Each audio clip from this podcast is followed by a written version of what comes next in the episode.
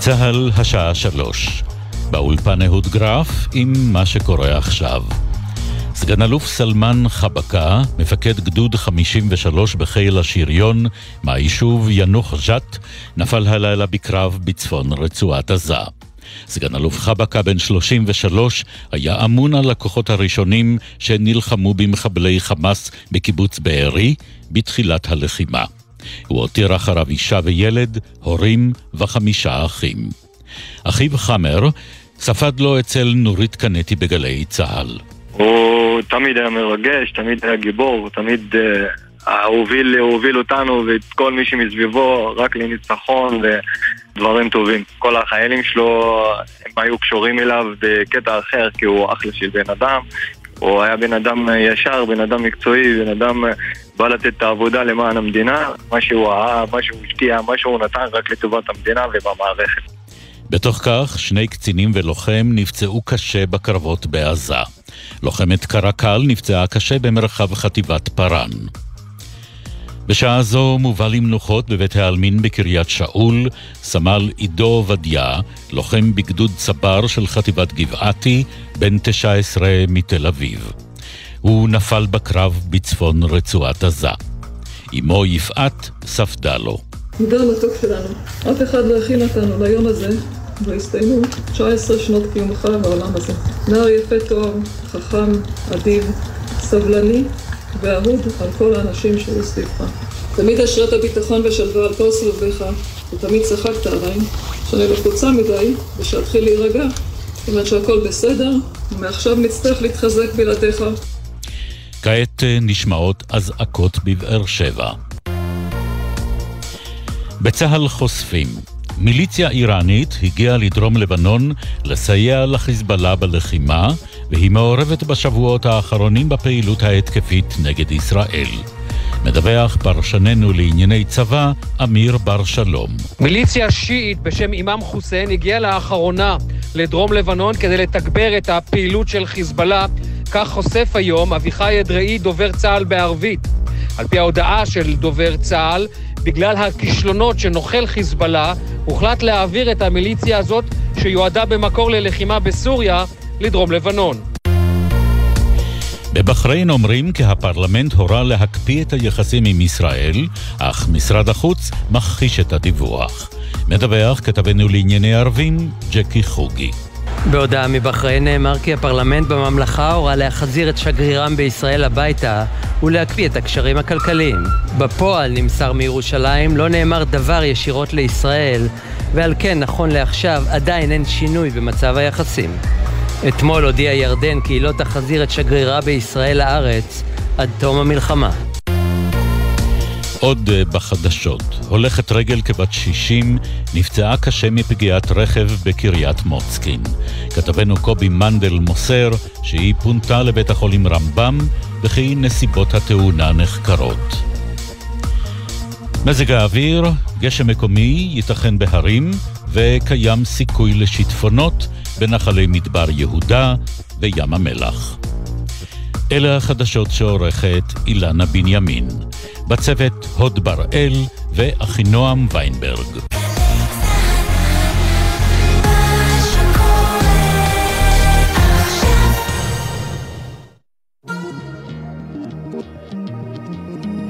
עכשיו בגלי צה"ל, אביב לביא ואיתי זילבר עם "יהיה בסדר", עורכת נועה בלויטה. הבית של החיילים, גלי צה"ל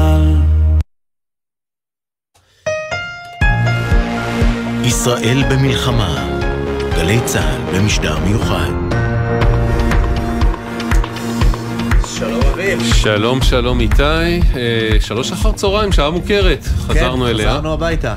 כן, אה, והאמת שאנחנו גם יכולים לבשר ששבוע הבא חוזרים לשלוש, נכון? נכון, נכון. החל מיום נכון, ראשון יהיה נכון, בסדר, נכון, אה, במלחמה בשלוש מנסים אחר אה, הצהריים. לחזור לשגרת חירום, לייצב את המערכת. כן. המילה חירום היא פה זה, והמילה חירום כוללת אזעקות אה, שהיו בבאר שבע ובנגב לפני אה, דקות מעטות מאוד, ממש על מהדורת החדשות. כתבנו בדרום רמי שני, שלום. שלום איתי ואביב, לפני זמן קצר התרעת צבע אדום בבאר שבע, בדרום העיר ומרכז הנגב, אזור חצרים. הסוללות. סוללות אה, כיפת ברזל שנמצאות בדרך לשם הופעלו, אה, לפי מה שאני מבין יש לפחות יירוט אחד נצטרך להמתין לתוצאות האלה. בכל אופן, אה, לפני זמן קצר ירי של רקטות לכיוון העיר באר שבע וסביבת מרכז הנגב. אלה הם הפרטים בשעה הזאת, כשיהיו יותר, אה, יותר דברים לדווח עליהם לחזור. אכן. שני, תודה. רמי, תודה, עדכן אותנו כמובן כל מידע אה, שמגיע על תוצאות הירי הזה. אה, שמע, אני רק רוצה להגיד לך, אגב, אה, אנחנו מדברים עם רמי שמתרוצץ בנגב מהיום הראשון למלחמה, יצא לי גם היום, גם בימים האחרונים, כמה וכמה פעמים לרדת דרומה, אהה. לאזור העוטף. אה, תקשיב, כל הדרום הוא ענן, חול ואבק אחד גדול. כן, מה, בגלל הכלים? אני, גם משיחות שלי עם אנשים שמבינים בדברים האלה, וגם האמת שזה היגיון פשוט, שלוש, צירוף של שלוש סיבות. אחד, אנחנו מלכתחילה במזג אוויר, שרבים, רוחות כן. מדבריות, מזרחיות, דרומיות וכן הלאה. שתיים, הרבה שטחים חקלאיים כוסחו. ובעצם האדמה נחשפה והחול נחשף ומתחיל אוקיי. למדוד. שלוש, תנועה של כלים כבדים. מרימה את הכל למעלה. בדיוק, מרימה הכל למעלה, אתה פשוט, אה, מה, וואו. וזה ברמה שכאילו רואים כזה מין אה, מין אה, אם אבק במקרה, סמיך אם, ב- אם, באופק? אם במקרה טנק עובר לידך אתה לא רואה שום דבר, לא באופק ולא לא, בזה. אבל הוא לא עובר לידי כל הזמן. ב- זה קורה, ואם הוא לא עובר לידך זה, באופן כללי כן מין אה, אובך אובך כבד שמרחף שם כל הזמן, זה- מין סופה במדבר כזה. אנשים נמצאים שם, מעניין מה זה עושה גם לדרכי הנשימה וזה, זה בטח לא דבר שהוא אה, כדאי בסך הכל. לא דבר שכדאי, אבל מן הסתם זה דבר שבאופן המיידי כולם חושבים על דברים, אתה יודע, יותר אה, כן, דחופים כן, ואקוטיים, אבל כן, זה ברמה העקרונית, אה, להיות בסביבה עתירת אבק וחול, לא מומלץ. אה, זהו, יהיה בסדר בגל"צ, זה דף פייסבוק שלנו, יהיה בסדר בגל"צ או בסדר נקודה glz, הוואטסאפ שלנו לתגובות כתובות. עד אה, ארבע, אה, האמת אפשר להשתמש בו כל הזמן, אבל תגובות כתובות, לא להתקשר, 052-920-1040, 052-920-1040, והמייל אוקיי כרוכית glz.co.il, אוקיי כרוכית glz.co.il. אחת התופעות המעניינות כן. שקרתה מתחילת המלחמה הזאת, אהה. בקנה מידה מאוד גדול, שאנחנו הישראלים שלמודי סבבים וזה, לא לא, מכירים, זוכרים לא אותה מכירים את זה, לא זוכרים הרבה לא, מאוד לא. זמן האחרון. הנה רק אמרת לא להתקשר כבר מישהו מחייג למספר. תקשיבו חברים זה הטלפון פה אצלנו אנחנו לא יכולים לענות אנחנו כן, ממש שלחו. וואטסאפ. תעשו. וואטסאפ. אחת התופעות זה, זה שצה"ל אה, בעצם אה, הפקיע רכבים מבעליהם, גייס אותם. אוקיי. אה, שלום אורן. שלום, שלום. מה גייסו את הרכב שלך אה, למילואים? כן, אני ראשית חשוב לי להגיד שאני קצת חצוי כי הלב שלי עם משפחות שנקרעו, עם יישובים שנעקרו מהיישוב ואתה יודע, אני מרגיש קצת קטנוני לדבר על האוטו שלי בתוך כל המצב הזה. אה, אורן, בוא, א', אנחנו מאוד מבינים אותך ואנחנו ב- באותו מקום כמוך, אבל בוא נשים את הדברים בזה. אה, ברור שחיי אדם ופליט- ו- ועקירה מיישובים וכן הלאה קודמת לרכב, ועדיין זו סיטואציה שנוגעת, אתה מדבר כרגע על משהו שקרה לך וקרה להבנתנו למאות אם לא ממש, אלפי אה, אנשים. ממש בתחילת הלחימה, כן, ספר. בעשירי לחודש כבר הוציאו ל- לרכב שלי צו גיוס. אה, באותו יום הייתי בעבודה וניסיתי להגיד למי שביקש ממני להביא את הרכב לנקודה שהאוטו שלי עמוס בציוד כרגע, אני בתוך עבודה ושאני אסיים את העבודה ב-10-11 בלילה והיו בהיסטריה, אמרו לי כאילו תביא את האוטו גם ב-12 בלילה, יהיה מי שיקלוט אותו. אגב, אורן, מיוחד? איך זה עובד- טכנית? מתקשר אליך מישהו, אומר שלום כאן צה"ל, האוטו שלך מתקשר מגויס, תביא אותו לנקודת אה, זה וזה? קודם כל נשלח צו גיוס, צו גיוס בדיוק כמו, כמו לחייל, האוטו הופך להיות בעצם חייל. וואלה. אה, אוקיי. נשלח צו גיוס לכל דבר, אה, צו שמחייב אה, הגעה אה, לנקודה מסוימת. ביקשו ממני להביא את האוטו לדרום, לאזור מכללת ספיר, אני הודעתי שאני גר בצפון, שזה נורא מסובך, ושאלתי איך אני חוזר הביתה גם. אה, ואמרו לי תביא את האוטו, ידאגו להכל. אה, כשראיתי שאני, שאין סיכוי שאני חוזר לגליל מה... הייתי במרכז, חוזר לגליל, פורק את האוטו ונוסע למכללת ספיר, אהה. ביקשתי לבדוק האם אפשר אה, להביא את האוטו לנקודה צפונית, וחזר אליי מישהו ואמר לי לבדוק. מהמם. אה, חזרו אליי למחרת ואמרו לי שאין בעיה להביא אותו ל... לנקודה צפונית, לאליקים. אוקיי. אה, ביקשו שאני אביא אותו ממש במהירות האפשרית. תגיד, למה דווקא את הרכב שלך? בוא תסביר לנו, יש משהו מיוחד ברכב? הוא מסוג מסוים? רכב, אה, אני בעל עסק, אה, זה רכב אה, מסחרי, טויוטה הייאס, אה, רכב אה, דומה לטרנזיט, סגור. אמינות בלתי רגילה, זה אוטו שקניתי אותו, הוא, הוא אוטו משנת 2009 עם 600 אלף קילומטר עליו. וואו. אה, אוטו שעובד, אוטו שמחזיק עסק ומשפחה. אני קניתי אותו בגלל שהוא סגור ובעצם משמש גם את המשפחה שלי ביום יום. עסק קטן, זה אוטו שהוא הוא קטן מספיק בשביל להיכנס איתו בחניון, אפשר לקחת אותו איתו ילדים לחוגים, זה אוטו... רב שימושי אתה אומר. לא, יש סיבה שרוצים את הרכב שלך ולא את הרכב שלי למשל. כן, מצד שני זה משול, זה משול לזה שצה"ל יוציא צו 8 לבן אדם בן 60, כזה רכב בן 15. אבל זה רכב לא? ייחודי שיודע אוקיי. לעשות... אני מכיר אנשים. שגייסו רכבים ממיליון קילומטר, זה סוג של רכבים. שאני יודע שהם מאוד. עמידים. אה, סמל לעמידות הרכב הזה, אוקיי. באמת. אה, תגיד, אז איך זה נמשך? הבאת את הרכב לנ"צ כשהתבקשת. הבאתי את הרכב לנ"צ אה, מהון להון, הייתי עוד פעם בתוך יום עבודה, אמרתי להם שאני אגיע מאוחר, אמרו לי שלא משנה מתי אני אגיע, הצלחתי להגיע ב-10 בלילה. שאלתי איך אני חוזר מפה הביתה, הסתכל עליי הקצין רכב ואמר לי, מה זאת אומרת, תראה באיזה מצב אנחנו, מי יחזיק אותך הביתה? באמת איך הם מצפים שאנשים יחזרו הביתה אבל? אז הוא אמר לי, נחפש לך טרמפ, אולי בבוקר יצא רכב לצפון, אני גר בגליל, אולי יצא רכב לצפון. התקשרתי לאחד העובדים שלי, שאלתי אותו אם ברוב טובו הוא מוכן, הוא בא, אסף אותי, לקחתי הביתה, אה, וזאת הייתה הפרידה מהרכב, הייתה פרידה קשה. כמה זמן אתה כבר בלי רכב? אה, מהעשירי לחודש, 11 לחודש, סליחה, עוד מעט שלושה שבועות. זה אומר שאתה לא עובד, אורן? קודם כל העסק שלי, אני בא מתחום של אה, הגברת תאורה, זה עסק שב-2006 חטף מכה, אה, ב- בקורונה חטף מכה אנושה, ורק התחלנו להתאושש מה- מהקורונה, ובא עלינו הדבר הזה. כן, כמובן, כבר עכשיו- כבר עכשיו מבינים שזאת תהיה מכה קשה עכשיו, זה לא מאוד. נכון שאני לא עובד, כי אתה יודע, הוצאתי כבר אה, כמה הופעות, הוצאתי הופעות למפונים, אה, הופעה של דיוויד ברוזה ב- ב- למפוני אורנר, הוצאנו הופעה של היהודים למשמר העמק, הוצאתי ציוד לצערי לשתי הלוויות כבר, אה, אני עובד פשוט בלי אוטו. זה אנשים טובים שמוכנים אה, להסיע ציוד ברכב שלהם, וכמובן שזה עבודה בהתנדבות ולא בתשלום. העסק כן, שלי זהו, כרגע. מת לגמרי. העסק שלי כרגע, מבחינה עסקית, יש לי עבודה אחת בשבוע באולפני הרצליה שאני צריך בשבילה אוטו גדול, פעם. בשבוע, וזה כבר פעם רביעית שאני נאלץ לעשות אותה בלי האוטו שלי, ואוטו פרטי לא יכול לעשות את זה, ואני כל פעם עושה איזה קומבינה מעל הראש. כלומר, מעבר- לאי הנוחות שאנחנו מדברים על אה, גיוס האוטו, זה גם פגיעה בפרנסה בסופו של דבר. כלומר, אי אפשר אני להתעלם אגיד לך מהדבר מה, הזה. אה, אני, כרגע שפר מזלי, נכון לכרגע, אנחנו נמצאים בגליל ואומרים לנו לקיים, לנסות לקיים חיי שגרה כמה שאפשר מכל הבחינות, הילדים חזרו לבית ספר השבוע. מצד שני, אני גר בגליל ב, ב, בשיא הפריפריה, אין לנו פה תחבורה ציבורית סדירה. זה אוטו שבעצם לוקחים איתו ילדים לחוגים אה, כן. אה, פעמיים ביום, וזה אוטו שעושים איתו קניות לבית, אין לנו צרכניה ביישוב, זה וואה. חייב אוטו לקניות. אה, זה, העסק, אה, עוד פעם, אם היה אוטו פרטי היה אפשר להסתדר איתו לרוב הסידורים. תגיד, אבל יש לי שאלה, אורן, היה לך כן.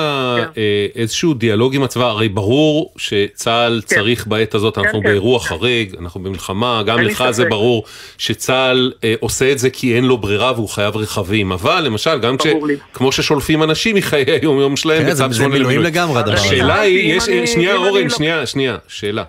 אה, אה, האם ידעת שהרכב שלך הוא מיועד בגלל סוס, אה, נמנה עם סוג מסוים של רכבים, הוא מיועד לגיוס בזמן מלחמה או שזה נחת עליך כרעם ביום בהיר? ידעת שיש אופציה לא, כזאת ידעתי, בכלל? ידעתי שיש אופציה כזאת, אה, יש יחידה אוקיי. לגיוס רכבים, הם כן. אה, באופן אה, שנתי, פעמיים או שלוש בשנים האחרונות יצרו קשר לוודא ש...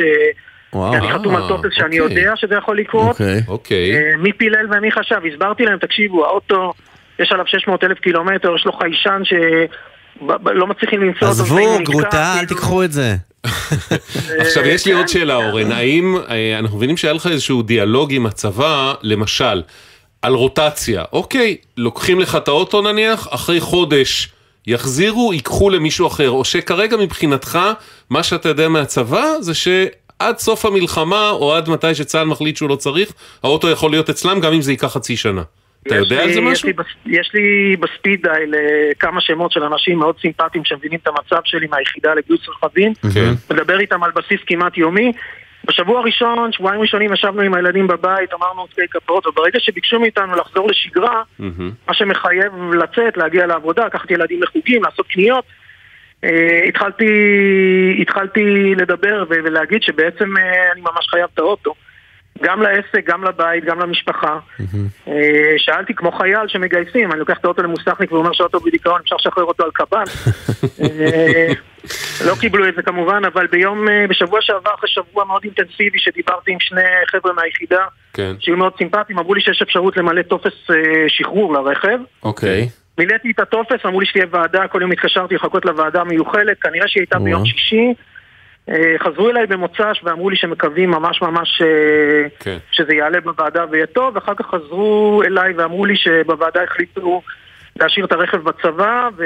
כלומר בעצם יש ממושכת. פרוצדורה סדורה של סוג של ערעור, או סוג של של, אה, בבקשה אני מאוד צריך את הרכב מסיבות 1, 2, 3 ואז כן, יש ועדה שיושבת הוא- על המדוכה ובדקה את אה, בקשתך והחליטה הוא- שהאוטו נשאר בצד. הערעור הוא צה"לי כנראה בתוך המדור הזה של גיוס הרכב. כן, כן, ברור. זאת אומרת, הם, הם צריכים, אני הבנתי שהם בהיסטריה של רכבים. אה, הבנתי מחברים אתמול שגייסו להם משאיות ומלגזות ש... שעדיין יש היסטריה של רכבים, ואמרו לי, כאילו, אל תצפה, אל ת... תפסיק. אוקיי, אוקיי. מה מה שנקרא, עזוב, לא- לא יקרה. אורן, כאמור אתה אה, אתה לא לבד, אנחנו אה, מצרפים את אלחנן, שלום. שלום, צהריים טובים. מתי אה, גויסו הגלגלים שלך? לפני יומיים. אה, אתה ממש טרי, שלב מה מאוחר זה? יחסית. אני ממש טרי, אז אני אולי קצת עם יותר מצב רוח בהשוואה לאורן.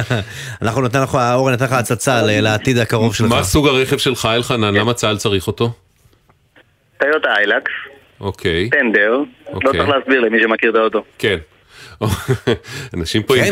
גאו- פטריוטיזם של המכוניות. בסדר, לא צריך להעיף את המיצובישי אה, שלי. גם אצלך זה עבודה? כן, גם אצלי זה עבודה, זה רכב מסחרי, והוא בעצם הרגליים שלי לענייני עבודה. אז מה אתה עושה ביומיים האחרונים ועוד עם אה, עם הפנים קדימה? אה, התשובה שלי דווקא מפתיעה. אני, בגלל שראיתי שהענף הולך ונחלש, אני מגיע מתחום אה, פרגולות, ריהוט גן, שיניתי פאזה, אני גם חרדי, אני מדבר איתכם מהבקו"ם. מה זאת אומרת? מתגייס? אה, התגייסת גם. אני מדבר איתכם מהבקו"ם. למילואים או לסדיר? לא הבנו, אלחנן. לא, צו ראשון, אני חרדי במקור. מה אבל אתה כן, אומר? בן. כמה אתה, אם אפשר לשאול? בן 35. יאללה. ברור- ברוך הבא בצל קורתנו. לגמרי. תגיד, יכול להיות שתחבור לרכב שלך, כן. ואתה יודע, יצמידו אותך אליו אולי תהיה נהג ותעבוד איתו. צבאי וזה יהיה הרכב שלך. אתה אומר את זה בצחוק, אבל כשקיבלתי את הטלפון הראשון, אז אה, חזרתי אליו מיד אחרי זה, אמרתי לו, תשמע, אני שוקל להתגייס, הוא יגייס אותי עם האוטו, אמר לי, חבוב, זה לא עובד ככה.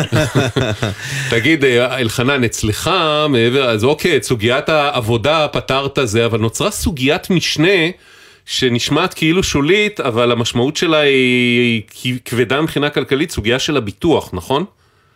נכון. ת- קודם כל אני תסביר. חייב להגיד שגם הסוגיה של הרכב עצמו עם העבודה זה גם סוגיה, כי על הרכב יש הלוואה ואני משלם עליו 5,000 שקל בחודש. אם אני הולך עכשיו לצבא אז אין מי שיממן את זה בעצם כי אין לי עבודה. וואלה. אבל הסוגיית משנה שנוצרה בגלל הביטוח היא שהיה לה מזל באותו יום שלקחו את האוטו, באותו יום נגמר הביטוח. ובעודני בדרך למסור את האוטו התקשר הסוכן ואמר לי, תשמע, אתה צריך לחדש את הביטוח. כן. אמרתי לו, אני יודע שאני צריך, אבל צה"ל אמרו לי, לא צריך ביטוח. אמר לי, לא, כי צה"ל עושה בעצמו אה, באופן עצמאי ביטוח בזמן שהאוטו אצלו. אז זה פוטר אותך נכון, לכאורה. רק אוקיי. אני צריך לעשות ביטוח כדי שיהיה לי רצף ביטוחי. מין איזשהו משהו פרוצדוריאלי כזה, אוקיי, כדי שאם אני אחזור ואחדש את הביטוח, שיהיה רצף. אוקיי. אמרתי לו, אוקיי, מה זה כרוך? הוא אומר לי בכרטיס אשראי. אמרתי לו, מה זאת אומרת? תשלם עכשיו בעצם את הביטוח, אתה יכול להקפיא את הביטוח בזמן שהרכב אצל צה"ל, וכשיחזור האוטו, מחזיר לך את הכסף. אמרתי לו, נשמה, אני לא עובד. לא עובד, לא יודע איך אני אשלם על האוטו. אבל הביטוח של האוטו, מי שמכיר, טיוטה איילקס התייקר בטירוף, 15,000 שקל עולה ביטוח עכשיו לשנה. וואו. זה לא כמו? הטויוטה המאפנה שלי. אוקיי. כן. כן. אוקיי, אז אנחנו...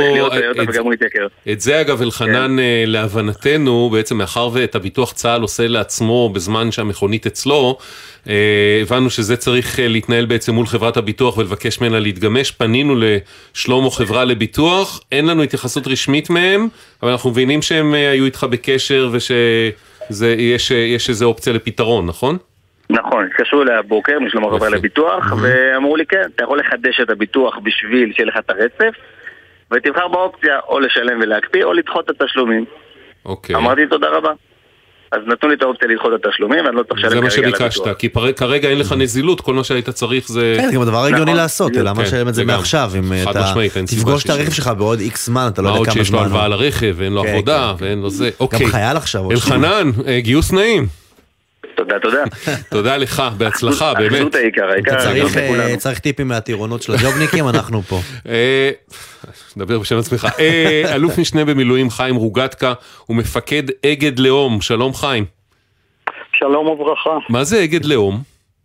אגד לאום זה היחידה לגיוס אמצעים וריתוק נשקי, שהיא יודעת לעשות סינתזה בין הצרכים המיידיים של הצבא לבין התווך האזרחי, אוקיי. שנר לרגליה בראש ובראשונה זה צורך הצבא, אבל גם לאפשר אה, זרימה ואפשרות של חיים, אה, אני כבר לא אומר בעורף, כי אין עורף. כל המדינה עורף. אה, כלומר, בעצם אם. אנחנו כל- פורטים את זה לפרוטות, אתם אלה שאחראים לגיוס הרכבים של אורן, של חנן ושל עוד רבים אחרים.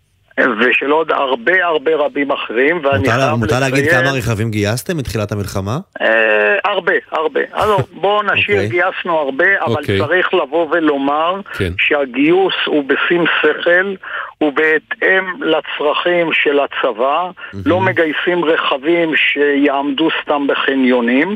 אה, מעבר לכך, אה, שמעת, שמענו כולנו את הפרגון שהצבא יודע לשמר מתח קשר עם האזרחים כל השנה ולא נופל על חלקם כרעם ביום בהיר. אה, אז זהו, זה יחד, עם זה, אה, אלוף משנה מילואים אה, חיים רוגטקה, בכל זאת מדובר פה הרי באירוע בסדר גודל שלא פגשנו. אתה יכול להגיד, ולכן זה כן נפל, אמנם אנשים ידעו שהרכב שלהם הוא בפוטנציאל, כאילו ברשימה, אבל זה היה, לא אתה עושים יודע, את זה. זה לא, הם לא באמת חשבו שזה משהו שיקרה. אתה יכול להגיד לנו מתי פעם אחרונה במלחמות ישראל או במשק הישראלי קרה דבר בסדר גודל כזה מבחינת גיוס עורף? בוודאי. בראש ובראשונה Mm. צריך להבין שהיחידה לא מגייסת רק רכבים, היחידה מגייסת אמצעים. מה למשל? במהלך השני, מה למשל? מטוסים, אוניות, עוד פרט- דברים פרטיים ש- אתה מתכוון. לא- מה? פרטיים. כן. לא, לא, לא, לא, לא, לא, לא, לאו דווקא. כשהצבא צריך לבצע איזו פעילות שלא תמיד אה, חשופה לציבור, יש לו צרכים ייחודיים, ובאופן אה, ברור הצבא לא מחזיק את כל האמצעים, יש כאן גם חישובים ושיקולים אחרים, ולכן הצבא נעזר במשק האזרחי. מבחינה חוקית יש הבדל בין שכירות לבין גיוס. בגיוס בעצם זה כמו שאתה מגייס חייל, חלים עליו כל החוקים של חייל, הוא יכול לעבור גם גבולות בינלאומיים, לשכירה יש מגבלות שאתה לא יכול לעבור מבחוץ, מגבלות ביטוחיות, מגבלות חוקיות, ולכן אה, נבנה מנגנון שמאפשר, עם פיקוח הדוק מאוד, צמוד מאוד, מאפשר לעשות אה, חיבור ושיתוף עם הצד האזרחי, כאשר גם מפצים. אז רק צריך ו- להגיד, בעצם מה שאנחנו מדברים עליו עכשיו זה גיוס, זה לא השכרה, לא... אה, עכשיו זה ממש גיוס. זה- הרכב שמגויס, כן. הוא חלים עליו, הוא כאילו רכב צבאי, הוא רכוש צבאי, והכל חל עליו. הזכרת באמת עניין של, קיימים- הזכרת עניין של פיצוי, מה בעלי הרכבים מקבלים כפיצוי? מילואימניקים מקבלים אה, תגמול על חשבון העבודה שלהם, מה מקבל בעל רכב? יפה. בעל רכב מקבל, כמו חייל, עבור כל יום הוא מקבל סכום, ברור, אה, לא ניכנס רגע יותר מדי כי התעריף הוא רחב ועמוק, אבל לפי כל סוגי כשאתה- רכב... כשאתה אומר רחב ועמוק, החלטות- אתה מתכוון שהתעריף הוא לפי סוג הרכב ויש הרבה אפשרויות, אז זה אכן, לא אחיד. אכן נכון. אוקיי, אה, לצורך השיחה, אני רק רוצה שנבין, כשאנחנו מדברים על רכבים, אנחנו מדברים גם על צמא, על ציוד מכני הנדסי כבד. כן. אנחנו מדברים גם על דברים נוספים, ולכן קבע המחוקק ואני מדגיש, המחוקק קבע תעריף שעל פיו אנחנו משלמים ליום, כמו שאתה ואני הולכים למילואים ומשלמים לנו לפי מנגנון אה, תשלום, משלמים לנו עבור כל יום מילואים, את זה מקבל בעל הרכב. אבל, פה בא דבר נוסף, אתה אומר, שמע, הרכב יצא, זה, קיבלת, הצבא קיבל אותו שלם, יכול להיות שהרכב נפגע, קרה כן. לו משהו, אז גם פה יש מנגנון שהוא אפס בירוקרטיה, שהוא בא ואומר, מתקנים את הרכב, מפצים מיידית את בעל הרכב, וזה בטווח של אה, יום אחד עד עשרה ימים, הוא מקבל את כל הפיצוי שנדרש לתקן את הרכב, ואנחנו זוכרים שאחרי המלחמה אנחנו נצטרך להמשיך את הדיאלוג עם בעלי אבל הרכבים, הזכ- לא הזכרת. שנותנים תגמול עבור ה- עבור הרכב, אז פה שתי שאלות. א', האם זה מהיום הראשון, או שיש איזה מין תקופת הכשרה שבשבועיים שלושה הראשונים אה, בעל הרכב לא מקבל כלום, זה דבר אחד. ודבר שני, מה קורה אם בעל הרכב תלוי ברכב לטובת הפרנסה שלו, כי זה גם פוגע בפרנסה. אכן, קודם כל התשלום הוא מהיום הראשון, כבר עכשיו בעלי רכבים קיבלו מקדמה לחשבון שלהם, אנחנו לא מחכים, בניגוד למה שכולם מצפים, כמו שאתה מכיר שאתה הולך למילואים, אתה מקבל את התשלום שהשתחררת אל מול הטופס הרלוונטי שהצבא מנפק לך. פה לא. כאן, עוד הפעם, בהנחיה של צמרת צה"ל, שקשובה מאוד מאוד מאוד למשק האזרחי ולצרכים אז זהו, האזרחיים. חיים, שנייה, בהקשר הזה של האיזון, שהוא באמת עדין ורגיש ומורכב בין הצרכים הצבאיים לבין המשק האזרחי, כותב לנו, תוך כדי שאנחנו מדברים, עידן גרינבאום, שהוא ראש המועצה האזורית עמק הירדן, הוא אומר, את כל המלגזות לקחו לחקלאים שלנו, אין לנו איך להעמיס בננות, בלגן גדול, אנחנו כמובן לא רוצים אני- פיצוי, אנחנו רוצים לעבוד, אנחנו מבינים את הצרכים של המערכת, הוא כותב, אבל גם אבוקדו ובננות זה חשוב למשק. מה אתה אומר? אה, אז ככה, אחד, אני אשמח לדבר איתו ברמה הפרטנית. אוקיי. תכף אני אענה. נחבר ביניכם אני- מיד אחרי התוכנית, בשמחה. אוקיי. בהחלט, אבל צריך להבין, ודיבר על זה הדובר הראשון, בפרגון מלא למערכת, וזה חשוב, כמול האזרח עומדים חיילים, עומדים אנשי מילואים, עומדים אנשים שמנהלי עסקים בעצמם עם הרגישות האזרחית הנדרשת. גם להבין, אבל אנחנו צריכים להחליט, שהצ... להבין שהצורך הצבאי גובר על הצורך האזרחי. כי אתה יודע, אם הצבא לא ינצח, אז לא יהיה צורך לא, לא, אין ספק. גם, גם אורן וגם שאני- וגם עוד אני אנשים שאנחנו מדברים יודע, איתם, אני- אף אחד אני לא כופר בעניין אני- הזה, אה, אבל כן צריך לחשוב איך הם יכולים להמשיך רגע, רגע, בשגרת אני חייהם. אתייחס. אני אתייחס, אני קודם כל נפעם, שימו לב מה שקרה כאן. שני אזרחים שחשים פגועים מפרגנים למערכת. זה לא בכדי, זה סימן שמישהו בשגרה שמע, עושה זה לא- זה לא עבודה... רק- זה לא רק הרכב מגויס, גם הם מגויסים חיים, אה, לדבר. יש לי שאלה. רק, רק לוודא. כשמתחילה מלחמה, אדם, זה לא יכול להיות שהוא כרעם ביום העיר צה"ל ייפול עליו ויפקיר לו משהו, אם הוא לא ידע שזה ציוד מגויס. אני צודק או, ש, או שפספסתי אה, משהו? לא, לא, לא, אתה טועה. אוקיי, אז תסביר. קודם כל, רגע, אני כי, רוצה כי להבהיר אורן משהו. ואלחנן אמרו לנו שהרכב שלהם היה ברשימת רכבים שהם פוטנציאל רגע, גיוס. אבל- מה אפשר לגייס לי. שאני לא צופה אותו או לא מודע לזה בכלל? נכון, נכון. קודם כל אתם צריכים להבין שכדי יחידה שאני מפקד עליה תפעל, שר הביטחון חותם על צו. כלומר, תפקודית, תפעולית, אני כפוף לרמטכ"ל. אני אוקיי. יחידה צבאית. אוקיי. אבל מאחר והרגישות כל כך גבוהה, ומובנת לכולנו, אני, כדי לפעול, מקבל אישור של שר הביטחון ומעקב צמוד של ועדת חוץ וביטחון. אוקיי. זה דבר שצריך להבין אותו. לא, לא, לא חשבנו שאתה- אבל- אבל מה ש- מה שאביב שואל זה האם- האם אתם יכולים להפתיע אותי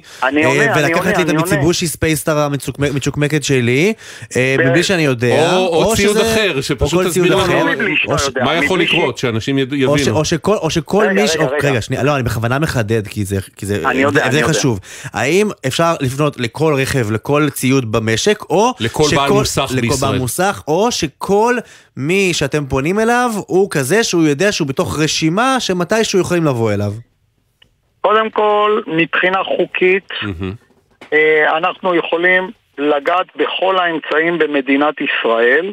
אני- אנחנו מדברים רגע על תיאוריה, על מה החוק מאפשר, אוקיי? ניתן, כעוד הפעם, הצרכים הצבאיים, וכולנו מסכימים שהם גוברים בשלב הראשון בבטוח אוקיי. על הצורך האחר. עכשיו, יש תרחישים שאנחנו יודעים להכין מראש, ולכן אנחנו בקשר עם האזרחים, ואנחנו אומרים להם, תדעו, כי אנחנו גם אוספים אה, נתונים על הרכב, כי אנחנו יודעים להתאים את הרכב לייעודו. הבנו, לא אז זה- אז זה- לוקחים- אז זה מוכנים מראש, אבל מה למשל. יכול לקרות שלא מוכן מראש? תן דוגמה. בוא אני אתן לך דוגמה. כן. לא, לצערי הרב, לצערי, למגינת כל היושבים ב- בארץ, כן. נ- נפרחנו לכמות אדירה של הלוויות. נכון.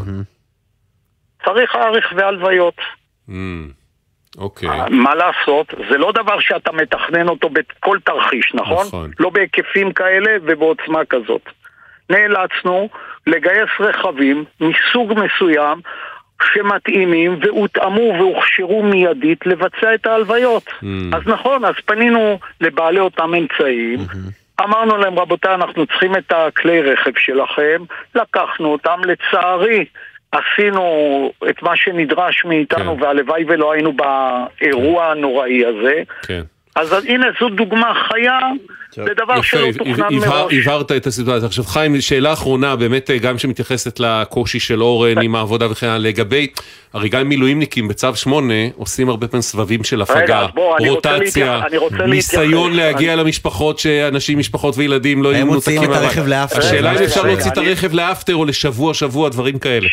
שנייה, שנייה. רוצה לסיום, כי אנחנו צריכים לחתור לסיום. לסיום קצר מאוד. כן. אמר שיש מנגנון של שחרור. אנחנו, אחרי שגמרנו את ערפל הקרב, יש לנו מנגנון, ועדת שחרורים שמתכנסת יום-יום, כל 24 שעות, ובוחנת את הבקשות החריגות לגופו של עניין אל מול הצרכים של צה"ל. קרו שני מקרים. אחד, אנחנו הודענו... סליחה, צבע אדום ערב אל-ערמשה. סליחה, צבע אדום ערב אל-ערמשה, הגליל העליון. כן, בבקשה חיים. הרכב ישוחרר תוך 96 שעות, כי הוא נמצא באיזשהו מקום על קו הגבול, וייקח זמן לאסוף אותו, כי באמת הסתבר של מול המצוקה ומול הצרכים אנחנו יודעים לתת פתרון חלופי. זה דבר אחד. אני חייב להחמיא לנושא הביטוח, פעמיים. זה דבר שאף אחד לא תכנן, לא חשב אזעקה ולא גם ידע. באדמית בגבול לבנון, אדמית ערב אל-ערמשה. כן, בבקשה. הנושא של הביטוח, קודם כל שלמה, ביטוח שלמה באמת היו החלוצים, אבל הבנו שלכל בעלי הרכבים יש בעיה כזאת של הקפאת הביטוח. כן. ולכן דרך הממונה על הביטוח יצאה הנחיה כללית לכל חברות הביטוח והבחור שדיבר איתכם הוא זה שהחלוץ בפני המחנה, הוא פתח את הדרך שכל הרכבים המגויסים באותה דבר הם ניתן לדחות בלי שום צורך את הביטוח ולא תהיה בעיה של רציפות ביטוח ובאמת זה מראה על זה שאנחנו קשובים, החברות קשובות וכולם הולכים לטובת אינטרס אחד. אוקיי, אלוף משנה במילואים חיים רוגטקה, מפקד אגד לאום. אה, למדנו משהו חדש, למדנו משהו חדש היום, גם כן. המון נהגים, כי גם אותי אגב שאלו באופן אישי בימים האחרונים, לא הבינו את האירוע. אתה יודע, זה ממחיש. כי לא היה, המון שנים. מה שאלוף משנה אה, אוגדקה אומר לנו, אה, על היקף. גיוס הרכבים והכלים כן, הפרטיים, כן. מעיד משהו, אם היינו צריכים עוד עדות לסיטואציה שבה אנחנו נמצאים. תקשיב, הרי, הרי זקני השבט זוכרים את המערכון המפתחות בפנים, המכונית המגויסת של הגשש כן, החיוור. עכשיו, זה לדעתי מערכון שנכתב, נדמה לי, על מלחמת יום כיפור. לא, 67 ששת הימים. אפילו, אפילו, ש- 67. בבקשה, חיים. ששת הימים, אז אנשים עשרות שנים, 60 שנה כמעט לא חוו את הדבר הזה, והנה אה, זה קרה, אז קיבלנו כמה נכון. הסברים ולמדנו כמה דברים, ואנחנו מקווים שהמכוניות של אורן ואלחנן יחזרו במהרה הביתה, ובעיקר שאלחנן אה, יצליח בצבא. אלוף משנה מילואים חיים רוגטקה, מפקד אגד לאום, עכשיו תודה. אזעקות גם רבה. באביבים. אזעקה גם באביבים בגליל העליון. אה, קובי מנדל, כתבנו בצפון, איתנו. אוקיי. קובי? שלום, דורון. אזעקות בצפון. ובכן, אה, אנחנו שומעים על אזעקות גם בגליל העליון, באזור משגב עם, וגם אה, בגליל המערבי, באזור קיבוץ אה, אדמית והכפר הבדואי ערב אל-רמשה. ככל הידוע מדובר בשתי נפילות שם באזור הזה, עדיין לא ידוע על נפגעים כלשהם וגם לא על נזקים. אנחנו נציין שבשני היישובים הללו התושבים כבר התפנו ופונו מזמן, ככה שמעט מאוד אנשים נשארו. לא נמסר לנו כרגע, כאמור, על אה, אה, אה, נפגעים כלשהם ועל נזקים, אנחנו נמשיך לעקוב ונעדכן בהמשך. כמובן, אם יהיו לך עדכונים ומידע, עדכן אותנו, קובי מנדל, כתבנו בצפון, תודה רבה. עכשיו אנחנו הולכים אה, למעקב אחרי נושא מאוד חשוב שדיברנו עליו אה, בשבוע שעבר. פינת המעקב. לפני כשבוע שוחחנו עם יובל וגנר מעמותת נגישות ישראל, שסיפר לנו שהעמותה מסייעת בפינוי ושיכון אזרחים בעלי מוגבלויות, והיא רוצה להמשיך ולסייע לרבים המעוניינים, ואיננה יכולה לעשות זאת משום שהמדינה לא מתקצבת אותה. אנחנו כבר פינינו מעל 400 אנשים, אה, כל מקרה זה מבצע מיוחד. אנחנו מחפשים אה, בדיוק את התנאים שיתאימו לאותו פינוי, לאותה משפחה, וכל זה נעשה בתרומות. אנחנו כבר מה שנקרא עברנו את הקו האדום מבחינת היכולות שלנו. שלום יובל וגנר. שלום, שלום. יושב ראש נגישות ישראל, כשדיברנו איתך אתה ממש לבד על גבך ועל גבה של העמותה באמצעות כספי תרומות, פינית מאות אנשים עם מוגבלויות מאזורים, אה, אזורי אה, עימות אה, למקומות יותר פתוחים, ואתה מספר, ואז השאלה הייתה, איפה הממשלה? אה, עוד אזעקה בערב אל-עראמשה שבגליל העליון, כן, נזכיר, ובמרגליות. רק לפני רגע קובי מנדל דיווח לנו שבאזעקה הקודמת בערב אל-ערום שהייתה נפילה, כן. ככל הנראה בלי נפגעים. ועוד אחת אנחנו במרגליות ממשיכים כעת. לעקוב. אה, יובל, והאם הממשלה נכנסה לאירוע כבר? נכנסה, נכנסה בגדול. יופי. משרד הרווחה עם השר מרגי ומשרד התיירות, השר כץ, אה, הרימו את הכפפה, מסייעים לנו עכשיו ממש כמו שצריך, אנחנו מאוד מאוד אה, מעריכים את זה. אה, עם זאת, במה זה מתבטא, אה, הסיוע? איך זה עובד? זה מתבטא גם במימון רטרואקטיבי וגם Mm. כל, הם מקצים לנו עוד ועוד חדרים אה, בבתי מלון.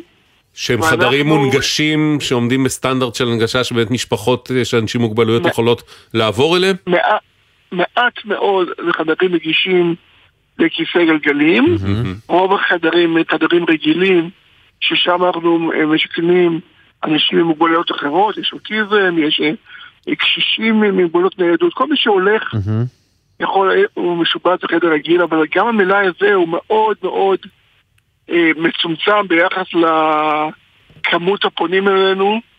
אה, כרגע המדינה מטפלת, אה, וכמו שאמרנו, אה, באמת שפה, אבל הדגש שלה זה על האזורים שהיא הכריזה שהיא מפנה. אה, גם בצפון וגם בדרום.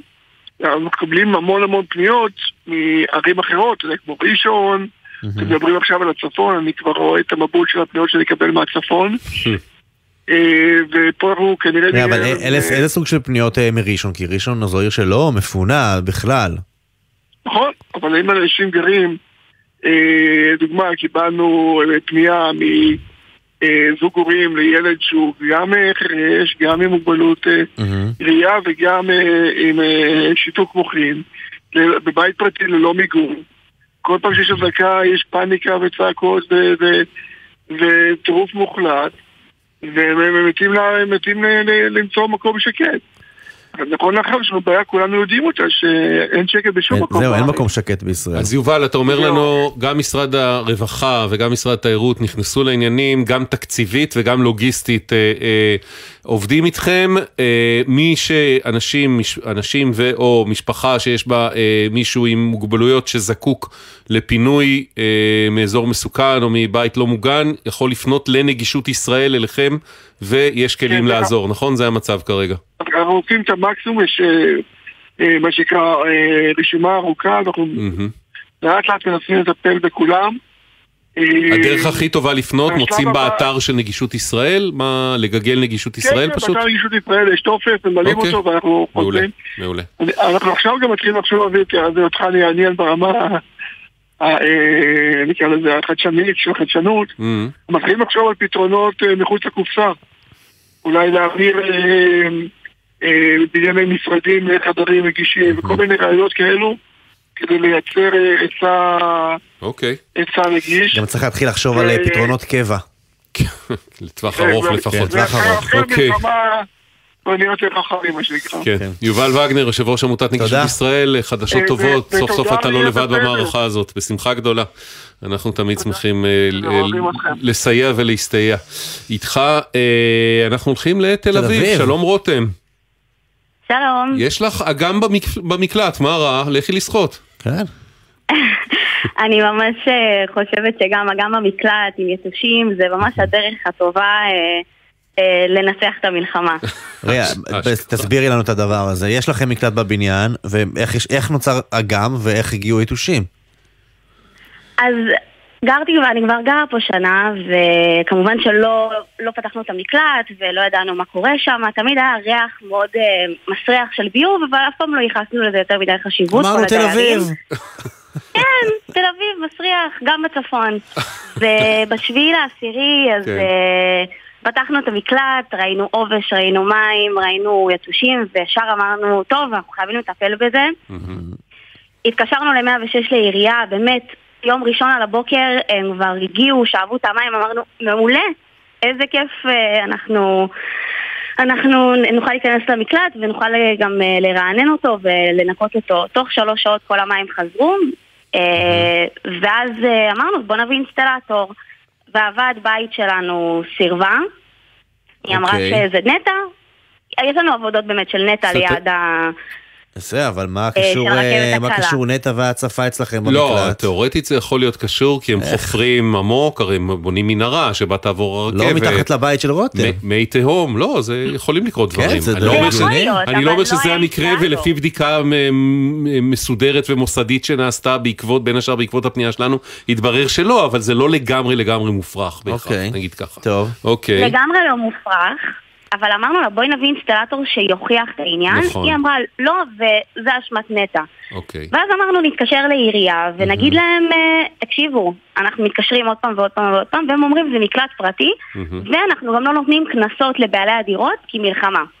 אוקיי. Mm. אז בעצם השאירו אותך לבד לבד במערכה. זה. העירייה אומרת זה בעיה פרטית שלך של הדיירים האחרים ואנחנו לא מתכוונים לעזור לך מול הדיירים האחרים כי זה מלחמה אז לא נ- נקנוס לא, אותם לא. ולא שום דבר. למרות שאם כבר צריך אה, לאכוף אה, סוגיות כאלה, זה בזמן בדיוק מלחמה. בזמן מלחמה. נכון, בדיוק היה לנו כבר דיון הזה. כזה גם על מקלט בדיוק בחיפה בשבוע רגע, אבל. העירייה אומרת, טוב, בואו ננסה לעזור לכם להבין מה מקור ההצפה, שלא לכו תתמודדו לבד? לכו תתמודדו לבד, והוועד בית שלי אה, מאוד מאוד עיקשת בדעתה שזה נטע ולא מסרבת להביא אינסטלטור. אוקיי. אה, היא ובאמת היא היינו... פנתה לנטע? מישהו פנה. לנטע אולי? כן, פנינו, אה, והם לא ענו לנו, הם אמרו שה- שיש להם המון המון פניות ובקשות, ו... ושהם יגיעו שהם יוכלו. אוקיי. אוקיי, ו?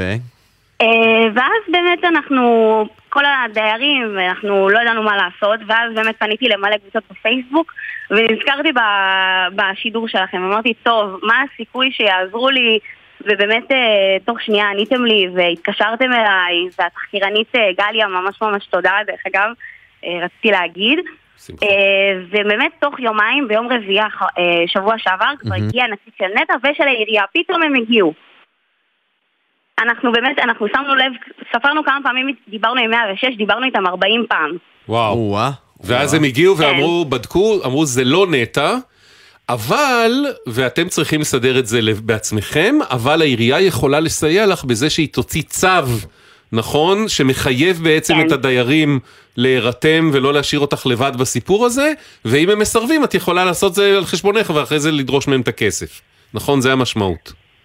בדיוק, זה המשמעות. אז באמת, הנקודת מפנה הזאתי, מהמם. שבאו לפה אנשי מקצוע, זה באמת מה שסוף סוף הוועד בית הבינה שאנחנו צריכים להביא אינסטלטור. כן. עכשיו אנחנו מחכים לאינסטלטור שאמור להגיע ביום ראשון, אתם יודעים, בגלל המצב, העניינים אוקיי. וזה, כן. אבל אם הוא לא מגיע ביום ראשון, אגב, אגב אני לוקחת אם, את אם העניינים את רוצה, לידיים. יש לי מישהו מצוין בשבילך, אבל זה כבר אחרי התוכנית. אה, וואי, מעולה, אני ממש אשמח שיהיה לי ליתר ביטחון. בשמחה, בשמחה. טוב, אה, עיריית תל אביב מוסרת לנו שהם אה, מזכירים שמדובר בנכס פרטי והטיפול במפגע הוא באחריות דיירי הבניין. עם זאת, אה, לאחר פנייתה של התושבת למוקד העירוני, נשלחו נציגים מטעם העירייה וטיפלו טיפלו בהצפה במקלט על ידי שאיבת המים. לאור קבלת פניות נוספות מהדיירת, הגיעו אה, למקום נציגי הפיקוח העירוני, נציגי נטע ואנשי מקצוע לביצוע בדיקה נוספת. לנציגת, לנציגת ועד הבית הוגשה דרישה לבצע תיקון מיידי, ואנחנו אה, מבינים שזה קורה, מתקדם. טוב, אוקיי, בסדר, זה. זה אגב לא פעם ראשונה במלחמה, מתחילת המלחמה, שאנחנו מדברים עם אנשים עם בעיות במקלטים בבתים משותפים. זה לא בעיה פרטית, זה הופך ברגע מסוים לבעיה ציבורית, בעיה של ברור, ביטחון ברור. הציבור, והרשויות מסייעות במקרה הזה סייעה לרותם רותם, להתמודד עדכני ולקדם, אותנו, עדכני אה, אותנו, בסדר? כשהיתושים והבריכה אה, מפונה מהמקלט. אני אעדכן, ותודה רבה שעזרתם לי. תודה לך. רבה, ביי ביי. עכשיו אה, נכנס אלינו דורון קדוש, כתבנו הצבאי, שלום. שלום איתי, שלום אביב. אתה מעדכן אותנו למתווה הפיצויים לחיילי המילואים. נכון, אה, מתווה פיצויים אה, אה, לפחות זמני, זאת אומרת לפחות משהו ראשוני שהוחלט עליו לחיילי, לחיילי המילואים, כי תראו, אנחנו כבר נמצאים כמעט חודש לתוך המלחמה. הרבה מאוד חיילי מילואים שפשוט עזבו הכל, אפילו בלי צו 8 בהתנדבות, עוד לפני שקראו להם, נסעו למילואים עד פרק זמן בלתי מוגבל ובלתי ידוע, וחלקם כבר בנקודת זמן הזו מתחילים להרגיש את הפגיעה, כמובן את הפגיעה בכיס ואת הנזקים הכלכליים שנגרמים להם ולבני משפחותיהם. אז אנחנו מדברים על מענק לפחות בשלב הראשון, מענק חד פעמי בסך של עד 1,100 שקלים שיקבל כל משרת מילואים בהתאם לכמות הזמן שהוא עשה מילואים, זה מענק שהולך וגדל כמובן בהתאם למספר הימים. משרת שהוא הורה לילדים עד גיל 14 יקבל עוד מענק של עוד 2,000 שקלים. וואו. הסכום המינימלי ליום מילואים יגדל ל-300 שקל, זה הגדלה של 40 אחוז. נזכיר, מי שמקבל את הסכום המינימלי זה כאלה שהם לא עובדים, חיילים או משוחררים, חיילים משוחררים, אה, זה- בדיוק, ולכן הם מקבלים את הסכום המינימלי, אז הסכום הזה גדל כדי שגם אנשים כאלה יוכלו לקבל יותר על כל יום מילואים שהם עושים, ותגמולי המילואים לא ישלמו, בס- לא ישולמו בסוף השירות, אלא כל חודש, כי אנחנו כבר מבינים שהמלחמה הזו הולכת להיות זה ארוכה. זה הופך לחלופת שכר ולא אה, תגמול חד ככה, פעמי. ממש ככה. בשורה חשובה נוספת, משרד הביטחון גם מקים קרן סיוע ותגמול לחיילים ששירתו במ- במלחמה, והקרן הזאת תהיה בהיקף של 70 מיליון שקל. היא תחולק כמובן בהתאם לקריטריונים מסוימים, אבל היא מיועדת לכל אותם חיילי מילואים שספגו נזקים כלכליים להם ולמשפחות שלהם בגלל השירות שלהם במלחמה, וה-70 מיליון שקל האלה יחולקו בין כולם. זה כאמור צעדים ראשונים שהוחלטו בשלב הזה. עדכון מבצעי וזה נוסף. כבר- כבר כן. בתוקף. כן, הדברים האלה כבר. סוכמו. הכסף אה. קיים בין שר האוצר לשר ולא צריך הביטחון. לעשות שום דבר, כלומר זה מענק שמגיע, הצבא יודע למי מגיע ומעביר, אני לא צריך לפנות או משהו. נכון, נכון, וזה אמור. להיות היום, מחר. זהו, אה, רק לוודא, בתחילת המלחמה כבר הרבה חיילי מילואים שאלו, אם לא נקבל את הכסף עוד איזה חודשיים, שלושה, התשובה שאמרו לנו, נדמה לי גם בשידור, אה, נציגים מצה"ל, הייתה שב-1 בנובמבר אמור להיכנס הכסף הראשון. נכון, אנחנו ב-1 יודע- אנחנו יודעים בנובמבר. שזה קורה? אנחנו צריכים לבדוק את זה עם אנשי דווחו המילואים, לנו. כן. אני ראיתי. אה, באחת הרשתות אה, מילואימניק שהעלה תמונה של אה, כתבו לו מביטוח לאומי, אושר, הכסף ייכנס בחמישה בנובמבר. אה, חמישה, בסדר. כן, גם- עד העשירי זה בסדר, חמישה זה עובר- לגמרי, אמרו לנו. תחילת נובמבר, כן, נכון. חשוב אוקיי. כמובן כן, לעקוב אחרי זה שכולם עדכון. מקבלים. עדכון מבצעי ממה שקורה בגבול הצפון, כן. שמענו על האזעקות בשורה של מוקדים לאורך הגבול, בערב אל-ערם שבאדמית, באביבים ובמשגב עם ומרגליות. אנחנו מדברים על שמונה שיגורים של רקטות ופצמ"רים ששוגרו במקביל לכל המוקדים האלה, כולם נפלו בשטחים פתוחים, ללא נפגעים, נראה כמובן כמו משהו לא מקרי, כשבכל המוקדים לאורך כמעט כל גבול לבנון יש ירי כזה באותן דקות. ואנחנו יכולים להניח שצה"ל יגיב על הירי הזה. כן, זה כנראה יקרה בדקות הקרובות. דורון קדוש, כתבנו הצבאי, תודה. תודה. אה, אנחנו חוזרים לעניין שנשמע כמעט כמו סיפורים שאנחנו משדרים בימי שגרה, אבל עם איזה טוויסט מלחמה. שלום רחל. שלום. אה, לבנך אה, נחום, אין... אין אה, נחום לייב. כן, נח- קוראים לו נחום לייב. לייב. לייבי, קוראים לו בבית לייבי. כן, כן, נחום, אה, לייבי זה השם בבית, אוקיי, נחום לייבי, כן. אתם לא מצליחים מתחילת שנת הלימודים שיהיה לו מוסד חינוכי. עזבי שלא כולם בדיוק לומדים מסודר, אבל שיהיה לו שיבוץ לבית ספר, נכון? נכון, נכון. מה זה הסיפור? סיפור די ארוך, אבל אני אקצר, אני אשתדל לקצר את זה. אוקיי. אז אה, הוא הוא למד... הוא למד במיכה, כולם יודעים מחנכי ילדים חרשים ארצי, זה רשת של גנים בארץ. בן כמה נחום לייבי? לילדים חרשים. עכשיו עשר וחצי. והוא חירש? כן. אוקיי. הוא חירש מושתל, יש לו שת, שתל כוחלר, אוקיי. שבלול. אוקיי. אז הוא שומע, אבל הוא, הוא לא שומע כמו אנשים רגילים, כן? הוא. צריך עזרה. אוקיי. מבחינת שמיעה והכל. כלומר, גם הכיתה שהוא הוא- צריך ללכת אליה היא כית- כיתה מונגשת, זה לא כיתה רגילה. כן, הוא צריך כיתה מונגשת ולא קיבל את זה. אז אה, הוא למד אה, בשנים הראשון- הראשונות, נכון? סליחה, העברית שלי לא סתם לא, לא, העבר- העברית שלך נהדרת, רחל, הכל בסדר. אז, אז אה, הוא, הוא למד בכיתה א' וב' בכיתה מקדמת, וזה היה די בסדר, אבל בגלל שהעירייה סירבה לעשות כיתה אקוסטית, הוא, זה היה קשה, אבל בסדר. אבל בסוף, בסוף כיתה ב' הבנו שבכיתה היה משהו 12 או יותר ילדים, לפי חוק החדש של כיתות מיוחדות. אז זה היה יותר מדי בשבילו, בלי, בלי אקוסטי, כן? בלי הנגשה. לא, רחל, אבל קחי אותנו לעכשיו, הוא כבר ילד גדול, כן. באיזה- איפה הוא למד כן, שנה כן, שעברה? אחר כך העבירו אותו ל- ל- לבית ספר פרטי, ששם ארבע ילדים בכיתה. אוקיי. בגלל זה. ואחר כך אה, הם אמרו שאי אפשר להסתדר עם ילד מיוחד, צריך בכל זאת משהו מיוחד. אז החלטנו שבבית ספר הקודם זה כבר פחות ילדים בכיתה, אז נעביר בחזרה. אוקיי.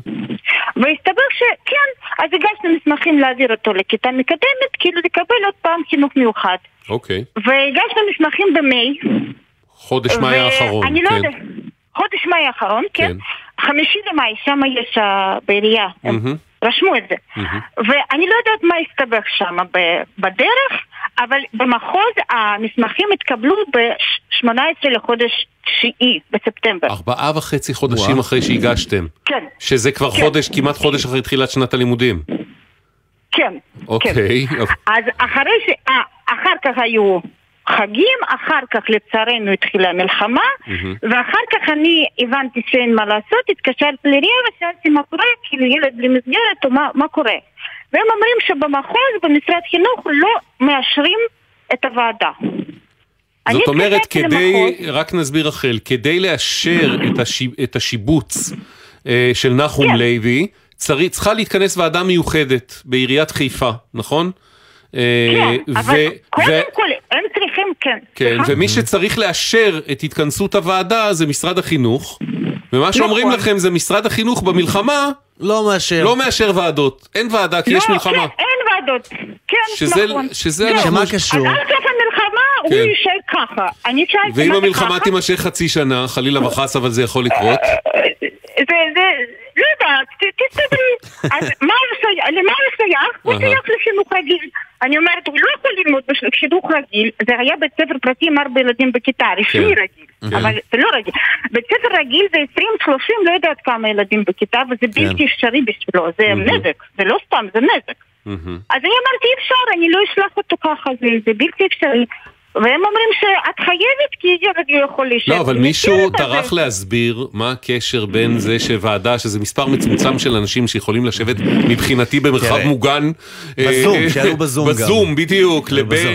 מלחמה. אגב, אני מכיר את זה, שמעתי, לא. סיפורים כאלה לא בעוד. אה, ממסדים רשמיים, ממשלתיים וציבוריים, שכל מיני פעילויות שבאמת, בסדר, בשבוע הראשון למלחמה אנחנו מבינים, כל, המדינה לא, הייתה בהלם, הכל קפא. אני שנייה אהיה פרקליטם של השירות הציבורי, נו, אוקיי? נו. אה, כשאנחנו מדברים על יותר מ-300 אלף אה, אנשי מילואים שמגויסים, הם לא מגיעים רק מחברות ההייטק ומשרדי עורכי דין, הם מגיעים גם מהשירות הציבורי, גם ממשרד החינוך, גם ממשרד הבריאות, מכל מיני מקומות. אוקיי. לכן מאוד הגיוני שחלק מהדברים, התהליכים שאנחנו מורגלים אליהם מתעכבים גם במשרדי יש ממשלה. הבדל בין להתעכב לבין זה שאומרים מקיימים. משרד החינוך, נכון, לא- לא. תהיה ועדה עד סוף המלחמה. בסדר, זה. שני דברים שונים. נכון, אה, נכון. אוקיי, רחל, אנחנו פנינו אה, לעיריית חיפה ולמשרד החינוך עם הסוגיה הזאת של מה קורה עם הוועדה שאמורה להכריע אה, איפה נחום לייבי שלך ילמד, ומה הם אומרים לנו?